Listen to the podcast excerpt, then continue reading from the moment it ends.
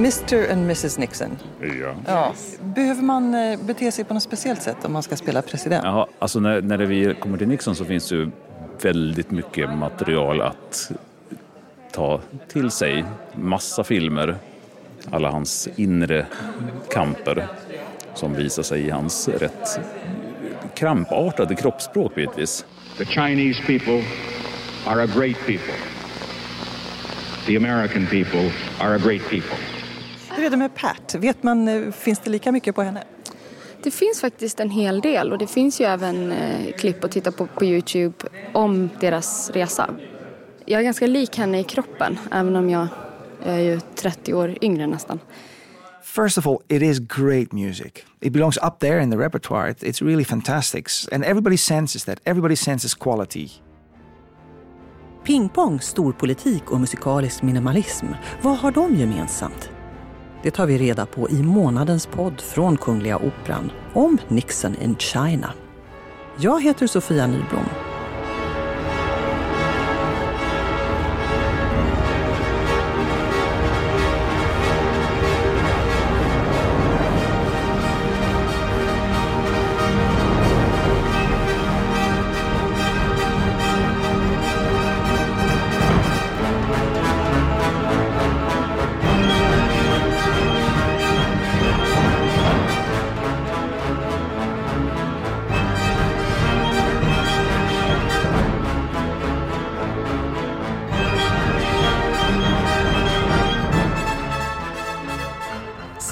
Svenskättade amerikanske tonsättaren John Adams skrev operan Nixon in China 1987. Operan beskriver hur Richard Nixon reser till det slutna Kina för att eh, möta presidenten Zhou Enlai och partiideologen Mao. Who are these characters? Operan regisseras av Michael Cavanaugh. It's well put that you call them characters, because the first thing uh, we talk about when we are producing this opera and and uh, working in our rehearsals is that it's not a documentary. Forward, uh, Medina. And uh, huddle up. This, these are the huddled masses, my friends. Good. You should. Scenen som Michael Cavanaugh regisserar kretsar kring boken Maos lilla röda. He was a waiter. He was a he was a disloyal waiter. Actually, there you did nothing wrong. This is the point, right? It's completely arbitrary, right?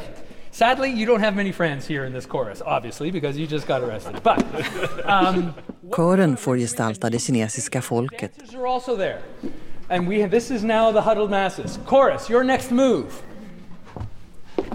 They call it the week that changed the world, because China was such a closed society for so long, and uh, nobody knew what to expect from this. We, you know, the Chinese um, culture, I guess, and the economy of China, and and it's intruded or has presented itself on the world stage. Uh, and we take that for granted, but it wasn't always so. It really was this weird, the Middle Kingdom, of course, and it was this very strange, hidden, mysterious land of a, close to a billion people, 800 million people that no one knew anything about.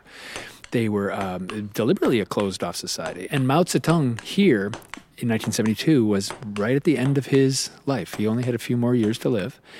And uh, Nixon was also on the cusp of great transformation uh, in the sense that he was running for reelection.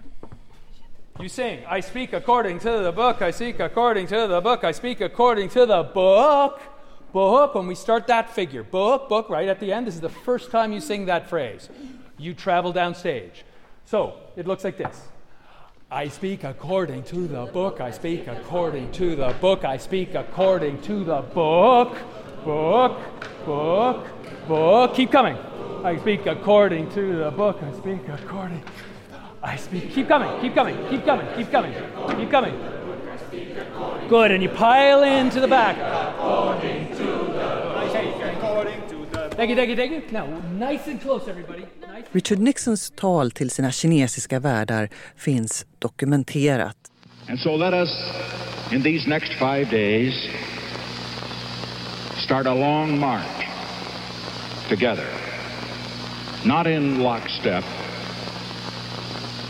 but on different roads leading to the same goal.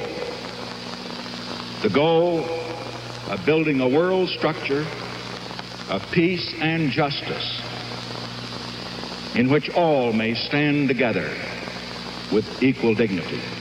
Michael Cavanaugh berättar hur han förvandlat den här historiska händelsen till en eh, allegori för tidens och historiens flykt. How do you make this documentary and very real event into opera? How do you stage it? well, what we do, what we've done is I've looked at the structure of the opera itself and tried to line the production up with how the piece is written. And one of the big themes in the whole piece is the enormity of time. Uh, whether it's I'm talking about my lifetime or the lifetime of a, of a nation. And so what we've done is we've tried to put a big forced perspective runway road, a small segment of a huge journey we're allegory. standing on a yeah, runway. Now I runway. see it. And so when the airplane lands, here we are on the runway. Mm. When Pat Nixon goes goes on her travels to visit the clinic and the pig farm, and here we are on the road, the streets of, Shang, of Beijing. But always is the um, the uh, enforced message. It's always uh, suggested that this is just a small part of a huge mm. journey. Herr och fru Richard Nixon spelas av Ola Eliasson och Hanna Husar. Men framförallt var de ju, de var ju oerhört nära varandra. De, de, Pat betydde oerhört mycket för Nixon, för Richard. Och det var, det var nog, eh, alltså, hon, hon, var hans livboj och riktmärke hela tiden. Det var nog hon som höll honom på fötter. Det finns ytterst få tillfällen som vi har tillfälle att visa det. Mm. Att då när vi väl får chansen att visa det så ska det synas. För det handlar ju också väldigt mycket om våra officiella roller. Så det, det är skönt att få den där inblicken ibland i deras privata liv. Till exempel i första akten där vi får möta dem tillsammans för första gången ensamma på deras hotellrum innan de ska gå på banketten. Handlingen i operan tar sitt avstamp i den stora banketten där Nixon och hans följe möter sina kinesiska värdar. food sitting over there. What role does food play in this opera? I've never seen so much food actually on an opera. Och på scenen står ett bord fullastat med mat. Um, uh, one of the scenes, a central scene, is a, a banquet. And of course, there was a banquet every single night, as there often are on these state visits. And it serves as a platform for um, uh, speech making, but poetry. I mean, the uh, the speeches aren't just you know, ladies and gentlemen, nice to see you, platitudes. These are uh, expressions of solidarity, of a hope for peace, because it's a, it, ultimately it's a very hopeful piece of um, theater. And also, um, uh, again, a reinforcement of the message that no matter what we do, we are just um, we are we're our obligation is to hand over our present to future generations. And no matter what we do, we have to make sure that, um, that we live up to our responsibilities to the people who are not yet born. I ask all of you present to join me in raising your glasses to Chairman Mao, to Prime Minister Cho, and to the friendship of the Chinese and American people, which can lead to friendship and peace for all people in the world. Ola Eliasson, Nixon och Hanna Husar, Pat Nixon. Det är så spännande när det, när det finns faktiska förlagor till de här karaktärerna. Han, Lite annorlunda än att spela Don Giovanni till exempel? Ja, absolut, eftersom då handlar det om att, att försöka, man går inifrån, inifrån och ut. Men här, här har man ju en, en, en karaktär man, eller karaktärer man känner väldigt väl, väldigt ytligt. Men att, att, att ta, sig till, ta till sig deras yttre och sen försöka förstå vad som drev dem. Så det, det föder väldigt mycket, mycket tankar och mycket, mycket aktioner bara av att börja från, från det visuella. Ja, och det, det tycker jag har varit väldigt skönt att kunna förhålla sig till en karaktär en person som faktiskt har funnits. Det, det är en väldigt skön eh, punkt att eh, starta från. Det har ju faktiskt Michael varit eh, väldigt noggrann med att säga att det här är ingen dokumentär utan det här ska inte vara ett dokumentärt en bild av hur det faktiskt var utan vi går ofta in i fantasin och hittar ytterligheter i de här karaktärerna som visar en sida som eh, kanske, det kanske kan vara en, en inre, en tanke som annars inte syntes men som vi har stoppat dit eh, ja, i fantasin. Michael Cavanaugh. We're not making a history, it's not a history lesson. Rather, it's uh, an exploration of what it felt like and what these people were as human beings, and how every one of us copes or doesn't cope with huge events in our lives. This is before Watergate. As a matter of fact, coincidentally, while he was in China, the burglars were breaking into the Watergate Hotel in Washington. So it was sort of happening at the same time. But this op- opera is a way to um, rehabilitate some of his image. Um, and to advance this notion that politicians uh, aren't human beings, that they're just completely uh, obsessed with themselves and with greed and with uh, power. And while some of that is true to more uh, greater or lesser degree for each of them, it's much more uh, important to understand that these people, even though they're given enormous responsibility, are still human beings. And that's why this opera is fascinating.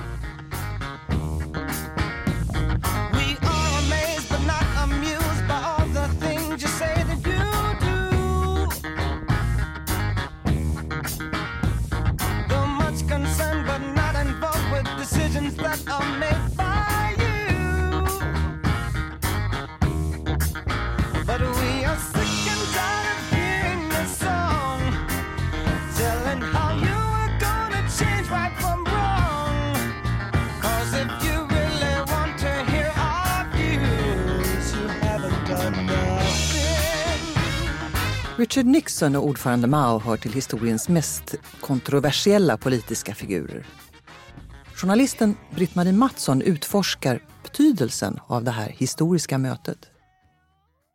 Det var ju en djupfryst eh, period mellan eh, eh, stormakterna just då, framförallt mellan Sovjetunionen och USA.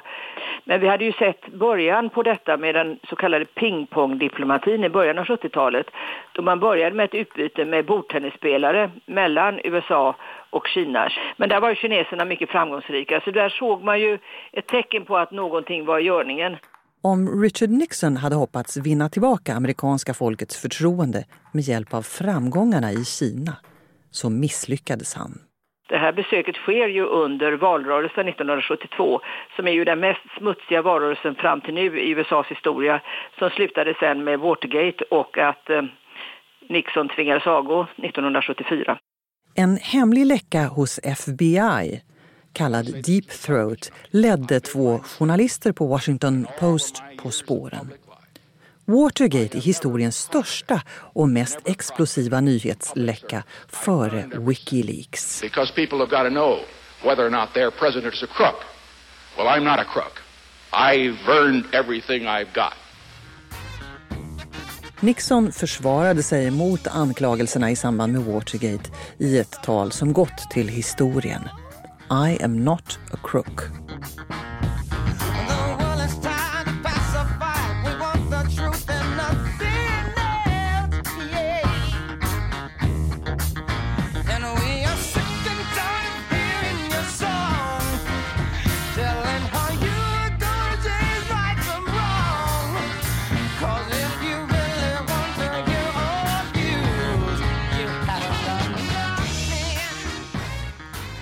Stevie Wonders låt You've done nothing var en direkt kommentar till Richard Nixons påstående att han inte var en bov.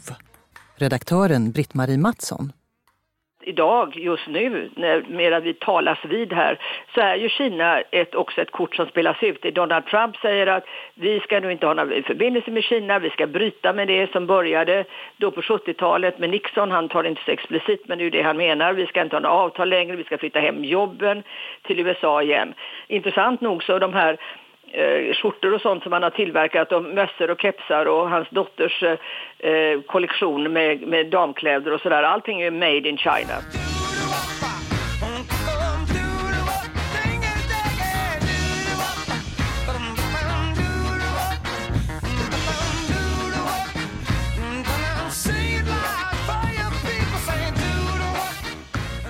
Operan Nixon in China pendlar skickligt mellan verklighet och dröm.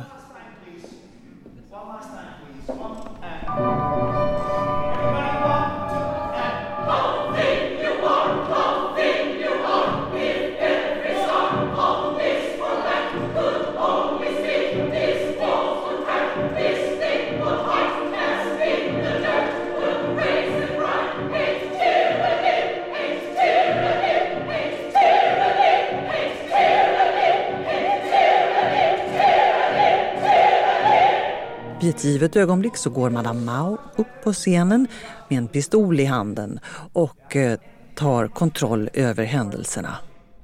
Madame Mao sjungs av Marianne Hellgren Stajkov.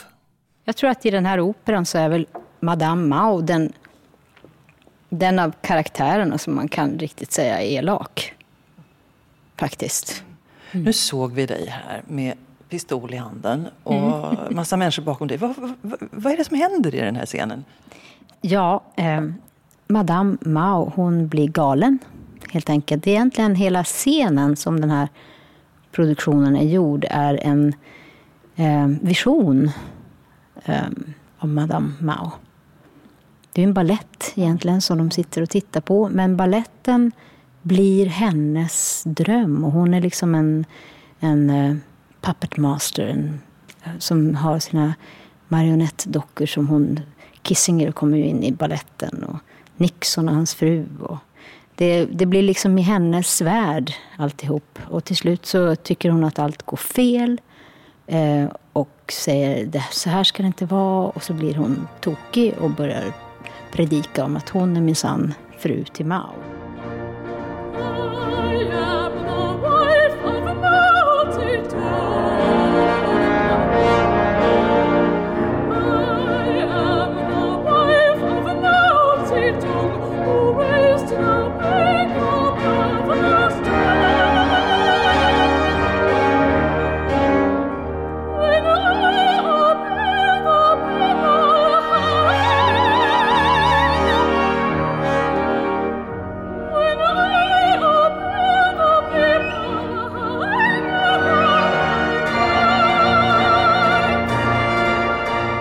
Jämlikhet mellan könen är ett viktigt tema i operan enligt regissören Michael Cavanaugh.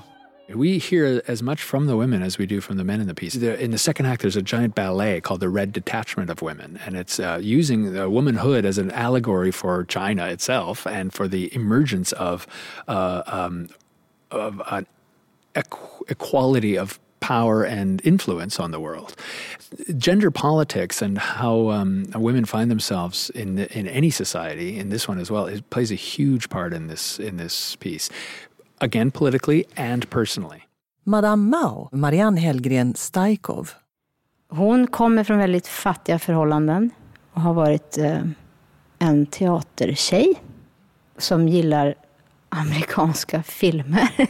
Vid det här laget då, på 70-talet så har hon ju kommit upp sig, eller vad man ska säga. Det här är en glansperiod. Hon har startat kulturrevolutionen och um, många huvuden rullar. Finns det någon hon påminner dig om som du har spelat, någon roll du har spelat tidigare? Ja, men det är ju en nattens drottning typ. Och eh, tricket är väl att hitta någonting som är mänskligt med båda dem, tycker jag. Att de inte blir tvådimensionella.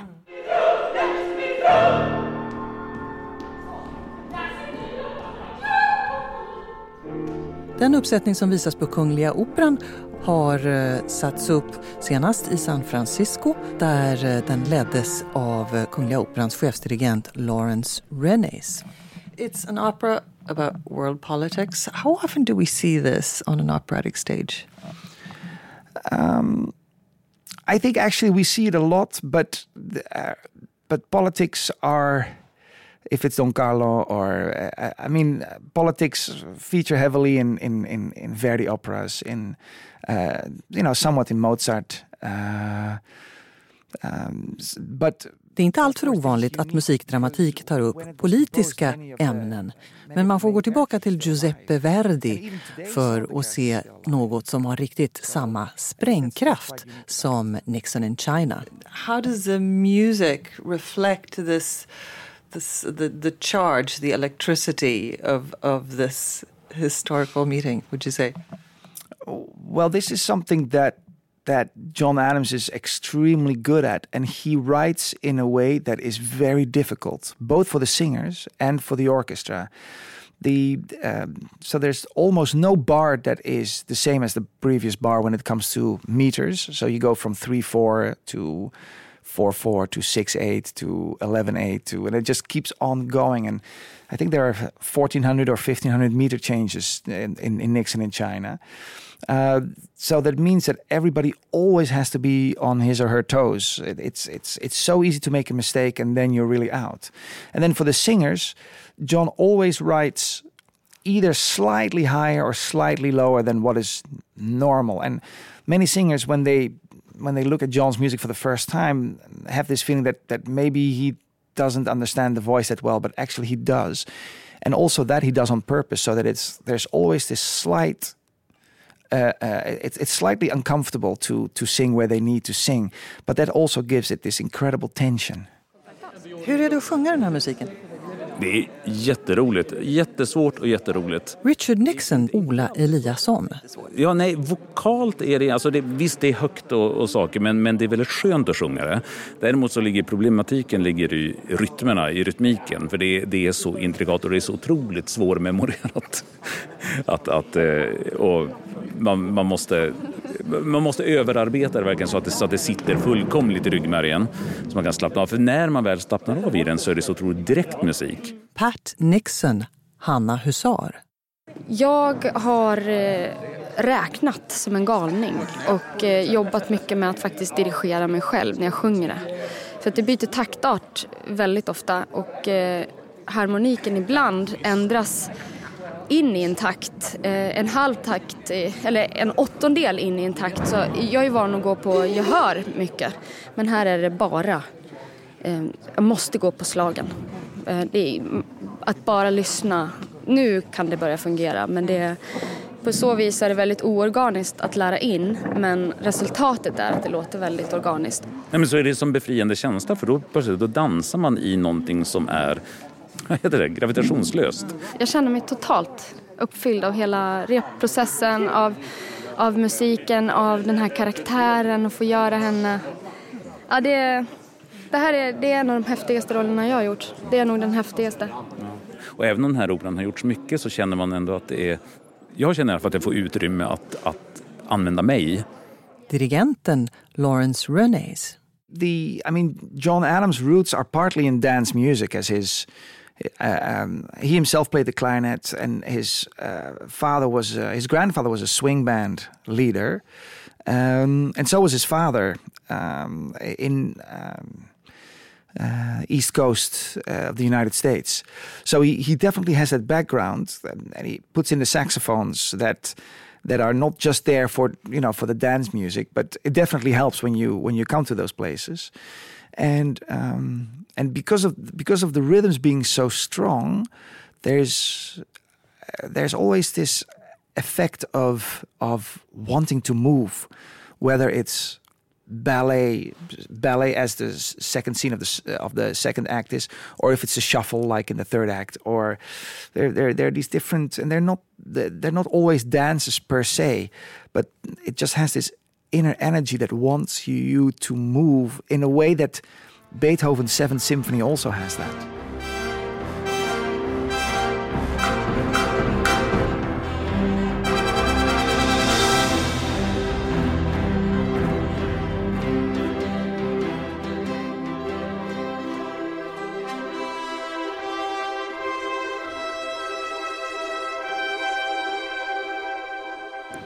How does this opera play into 2016?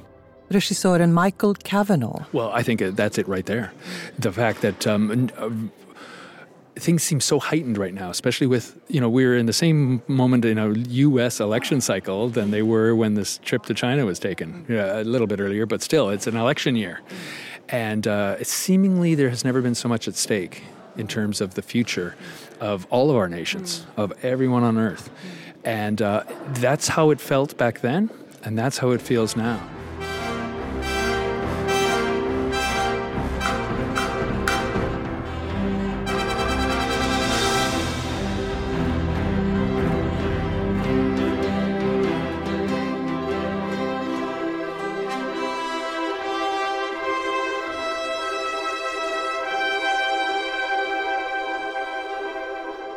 Du har lyssnat till Kungliga Operans podd om operan Nixon in China.